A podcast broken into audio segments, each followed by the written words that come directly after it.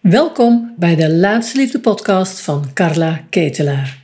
In deze aflevering geef ik je mijn inzichten en adviezen over het vinden en houden van een gezonde liefdesrelatie. En waarom het je tot nu toe niet gelukt is en wat er nog nodig is, zodat jij ook jouw eindman of eindvrouw in je armen kunt sluiten voor de relatie die je zo graag wilt. Succesvol in het leven en nog niet succesvol in de liefde, het vinden van een liefdespartner. Nou, het is een beetje een precair onderwerp, want ik krijg regelmatig terug via de mail van ja, maar wat als ik dan niet succesvol ben of uh, het niet goed doe met mijn werk of als ik alles niet op orde heb, help je me dan niet? Ik zou het willen omdraaien. Ik word steeds meer benaderd door vrouwen die het grotendeels op orde hebben. En als je zegt, ja, ik heb het niet op orde of uh, ik heb nog zoveel items in mijn leven, Wees welkom om gewoon te luisteren. Wees welkom om te leren wat te leren valt. Maar ik wil ook eens het gesprek aangaan over wat betekent het voor je liefdesleven als je succesvol bent. Als jij, uh, ik noem maar wat, een eigen onderneming hebt. Uh, je hebt alles goed voor jezelf geregeld. Of je hebt ergens een leidinggevende functie. Je zit een beetje boven en in de top van de bedrijven. Wat doet dat met jou als vrouw? En Welke belemmering zit daarin in het vinden van de liefde? Nou, heb je er helemaal niks mee? Stop gewoon met luisteren. Voel je vrij. We hoeven het niet overal mee eens te zijn, maar deze kant wil ik ook graag belichten. Steeds vaker word ik gebeld door vrouwen met ja, een succesvol leven, laat het maar even zo noemen. En wat bedoel ik nou precies met een succesvol leven? Dat je de nou, dat je bepaalde persoonlijke kennis hebt over jezelf. Je hebt een soort rust, tevredenheid. Je doet het maatschappelijk goed. Je hebt, een, nou ja, een, je hebt het voor jezelf goed geregeld. Je woont lekker, je hebt fijn werk, onderneming, een baan, wat dan ook. En je hebt eigenlijk niemand nodig, plat gezegd. Voor, voor het economische, voor het maatschappelijke, heb jij het allemaal prima op orde. En wat ik steeds meer ontdek met de dames die ik dan spreek, de vrouwen die ik spreek, die specifiek dit hebben, is dat ze heel succesvol zijn in de liefde, maar ook heel succesvol in het verbergen van dit thema, dit het niet kunnen vinden van de liefde. Want waar je tegenaan loopt als je succesvol bent, is dat anderen heel snel zeggen: Ja, maar jij hebt toch geen klagen? Je kan alles doen wat je wil. Eh, je hebt alles wat je hartje begeert. En wat doet dat met je? Dat je besluit om het er maar minder over te hebben of niet meer over te hebben. De vrouwen die ik spreek, doen dit eigenlijk heel erg in een eentje. Dus uh, we hebben het er weinig over met vrienden en, familie, en, omdat er toch een oordeel op zit. En uh, nou, hè, de uitspraak die daar heel vaak ook bij hoort: van ja, maar je hebt alles voor elkaar, je bent zo'n leuk mens, waarom, waarom heb je nog geen man? Ja, dat is natuurlijk best pijnlijk als je dat wel wilt, maar niet doorhebt waarom het niet lukt. Waar je als vrouw die dus dit traject eigenlijk tegenkomt, zo van, oh ja, ik doe het goed, ik uh, wil heel graag een partner. Maar ja, weet je, als je wat hoger in op, de, op de ladder staat, word je ook voorzichtiger met het, uh, weet je, meer mensen kennen je. Meer mensen vinden wat van je. Als je een bedrijf hebt met meerdere, met meerdere personeelsleden, dan heb je als zoiets ja, dan, dan hou je dat toch een beetje bij jezelf. En dat begrijp ik volledig. Je wilt je persoonlijke leven, wat toch heel kwetsbaar is op dit gebied, niet zomaar openbaar hebben. Dus wat ik merk bij de gesprekken die ik voer, dat, dat je als vrouw ook heel succesvol bent in het verbergen van die eenzaamheid die eronder ligt. Het is namelijk zo, niet zo dat je ongelukkig bent, maar je hebt wel een verlangen om het fijne leven wat je hebt met iemand te delen.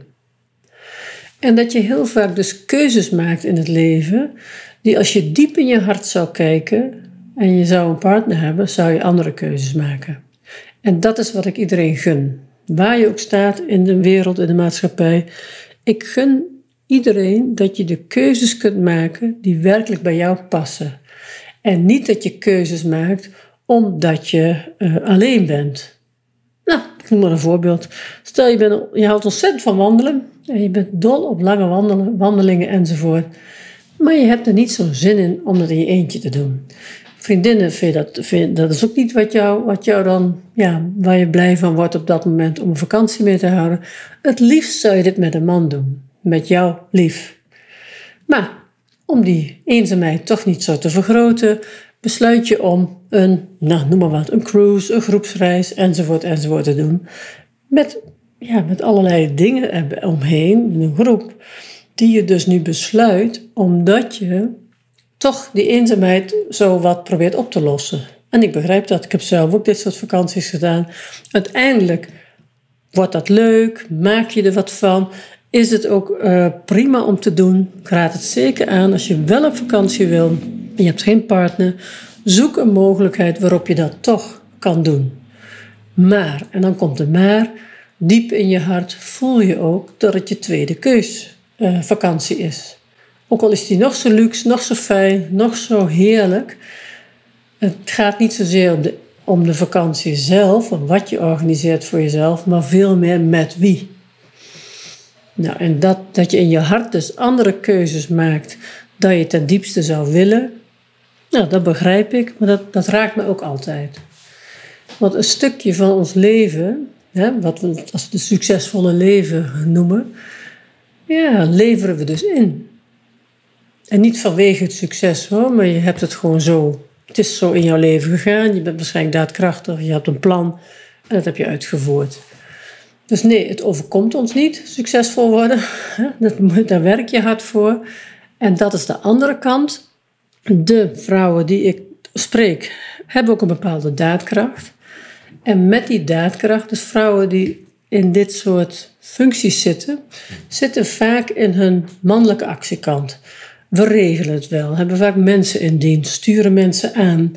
Dus er wordt van jou actie verwacht. Actie, doorpakken, beslissingen nemen. En dat zijn allemaal, als we naar de mannen- en vrouwenkant kijken, zijn dat allemaal mannen-actiegerichte activiteiten. In de buitenwereld heel daadkrachtig zijn. Vaak werk je ook nog veel. Ah, want je vindt je werk leuk, meestal. En daarnaast is het ook zo dat werk soms leuker is dan alleen thuis zijn. Ja, joh, ik, ik, ik beantwoord die mailtjes nog wel even. Wat je niet zou doen als je met iemand samen zou zijn. Dus we werken vaak veel, we werken op een bepaalde manier. En die twee dingen maken ook dat je heel veel in die mannenactiekant ja, vertoeft. Dat is eigenlijk je dat is een beetje je eerste natuur van zijn. Veel werken, veel actie, veel beslissingen nemen. Mannenactiekant. Als je die positie hebt, is er vaak heel weinig ontvangende vrouwelijke kant. En dat heeft er niet mee te maken of je er vrouwelijk uitziet of niet, dat bedoel ik niet. Ik bedoel de energie die je, dus dat wat je energetisch de wereld inzendt, is: ik regel het, geef een probleem, ik los het op. En dat doe je ja, met volwassenheid, met je kennis en je kunde. Alleen als we het dan over de liefde hebben, is die vrouwelijke ontvangende kant ook zo belangrijk. Dat je gewoon eens lekker kan afwachten, dat je de controleur op vakantie mag sturen, dat de andere uh, de plek bepaalt, dat, uh, nou, allemaal dingetjes waarin je zou kunnen ontvangen. Dus achterover zou kunnen leunen. Maar als doener uh, op de functie of positie waar je zit, ben je niet gewend om achterover te leunen. Want jij bent sturend of wat dan ook. Jouw functie is ervoor, is ernaar om in te grijpen, om te sturen. Maar hoe maak je die, maak je die slag naar je, naar je privé? Waar kun jij op dat punt wel ontvangen, afwachten? En het gaat er dus niet om dat we niks meer doen of dat we ja, uh, een soort uh, afwachtende types worden alleen maar. Maar het gaat erom dat we een kant in ons weer aanspreken.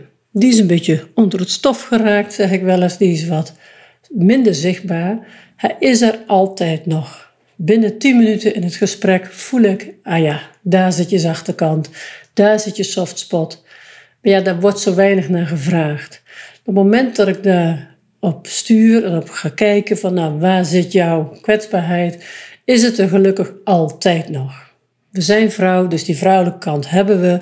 Alleen als er te lange tijd te weinig ja, het licht op heeft geschenen, is het een beetje in het donker geraakt. En wat belangrijk is om die gezonde relatie te vinden, is dus dat die vrouwelijke kant weer in het licht gezet wordt. Dus die gaan we naar boven halen. Dus als mensen mij altijd vragen van ja, maar je hebt het altijd over succesvolle vrouwen en, uh, waarom is het voor hen zo moeilijk? Nou, hierom dus.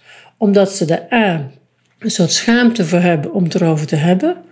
Van waarom heb ik hier nou hulp voor nodig? Ik regel altijd alles zelf. En omdat ze dus die mannelijke actiekant eerst, dat, dat gaat voor ze uit. Hè? Dat, die, mannelijke actiekant gaat voor de troepen uit. Dus waar jij je ook begeeft, is die kant voelbaar.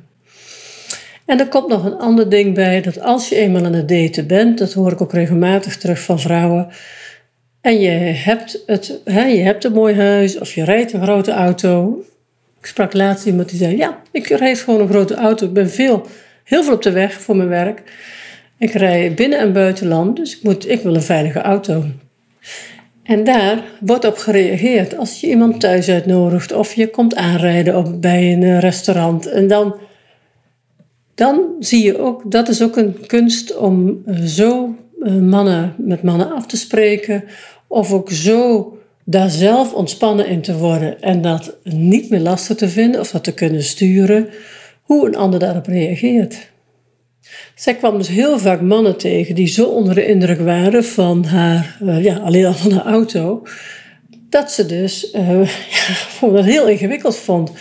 Want daarmee word jij niet meer gezien maar de vrouw die staat voor. En dat, dat is ook wat vrouwen tegenkomen die een goede positie hebben. Die komen vaak de onzekerheid van de persoon tegenover zich tegen. En dat is ook een kunst van het daten. Vind de man van je eigen kaliber. En dat is dus even niet een druk op de knop. Dat is niet even, oh dan maken we dit zinnetje. Nee, dit gaat dieper. Dit is je eigen energie veranderen. Je eigen energie niet veranderen je eigen energie weer completer maken. Dus dat vrouwelijke stuk, huppakee, wakker maken en er weer bij komen. Want je bent een vrouw, dus jouw vrouwelijke energie doet het toe. Dus dat stuk. En weten, hoe ga ik om met dit soort lastige dingen als ik... Uh, dat ik een grote indruk op mannen maak. Hè? Op dat, op dat ja, financiële geslaagde stuk van mij dan zeggen we altijd van ja, maar mannen houden niet van sterke vrouwen. Of van houden niet van vrouwen die meer verdienen. Maar ik geloof dat echt niet. Het is echt onwaar. Want je zoekt tenslotte een volwassen man. Een man die tevreden is met zichzelf, met zelfvertrouwen. En die meet zich niet zo met verdient zij meer of verdient zij minder dan ik. Die man is tevreden met zijn eigen leven. En die heeft het zelf op zijn manier, houdt hij zijn broek op en heeft hij het op zijn manier goed. Dat hoeft niet allemaal hetzelfde te zijn. Je hoeft ook niet als je zelf zeg maar, het heel goed voor elkaar hebt, hoef je ook niet de man niet super voor elkaar heeft. Het gaat erom dat de ander een goed zelfstandig leven heeft. En of dat nou financieel net zoveel is dat jij dat hebt, maakt helemaal niet uit. Maar het is vaak wel waarom er afgehaakt wordt. En dat is zo ontzettend jammer. Het gaat om de om de binnenkant en om, de, om ook het kaliber man te vinden wat bij jou past. dat zit hem niet in de auto die hij rijdt, dat zit hem niet in het huis waarin hij woont, maar dat zit hem in zijn karakter. In de zelfstandigheid, in de, nou, iemand die zelfvertrouwen heeft, raakt ook niet zo onder de indruk van of een andere grote auto rijdt of niet. Nou, doet er niet toe. Het is materieel. Het is materieel. En daar wil je naartoe. Je wilt gezien worden op wie je werkelijk bent en niet op wat je uitstraalt. En dat is niet een druk op de knop, wat ik al zei, dat is een proces. Hoe ga ik van op de buitenkant gezien te worden naar mijn binnenkant, durf die kwetsbaarheid weer te laten zien, zonder dat ik onveilig word. En al die stappen, nou, dat is precies waar ik jou uh, graag mee zou willen helpen. En dat is ook even een toelichting voor mij, misschien een soort uitleg over waarom ik vaak zeg succesvolle, daadkrachtige vrouwen. Dat heeft dus hiermee te maken, want als je dat bent, kom je specifieke dingen tegen. In de liefde, in het zoeken naar de liefde, in het ja, nog niet hebben van de liefde. Voel jij je aangesproken als daadkrachtige ondernemende vrouw? Herken je je erin dat het lijkt alsof je extra obstakels tegenkomt in de liefde, terwijl de rest in je leven je prima afgaat? Nou, dat klopt dus. Er zijn wetenschappelijke onderzoeken die dit bevestigen. Laat jij je hierdoor niet meer afschrikken en weet jij heel zeker dat je die liefdesrelatie wilt? En wil je niet langer wachten op die ontbrekende schakel in jouw leven? Dan is het de mogelijkheid dat ik je één op één ondersteun. Dit is echter niet voor iedereen. Stuur me daarom een mailtje naar support Dan kom ik graag met je in contact.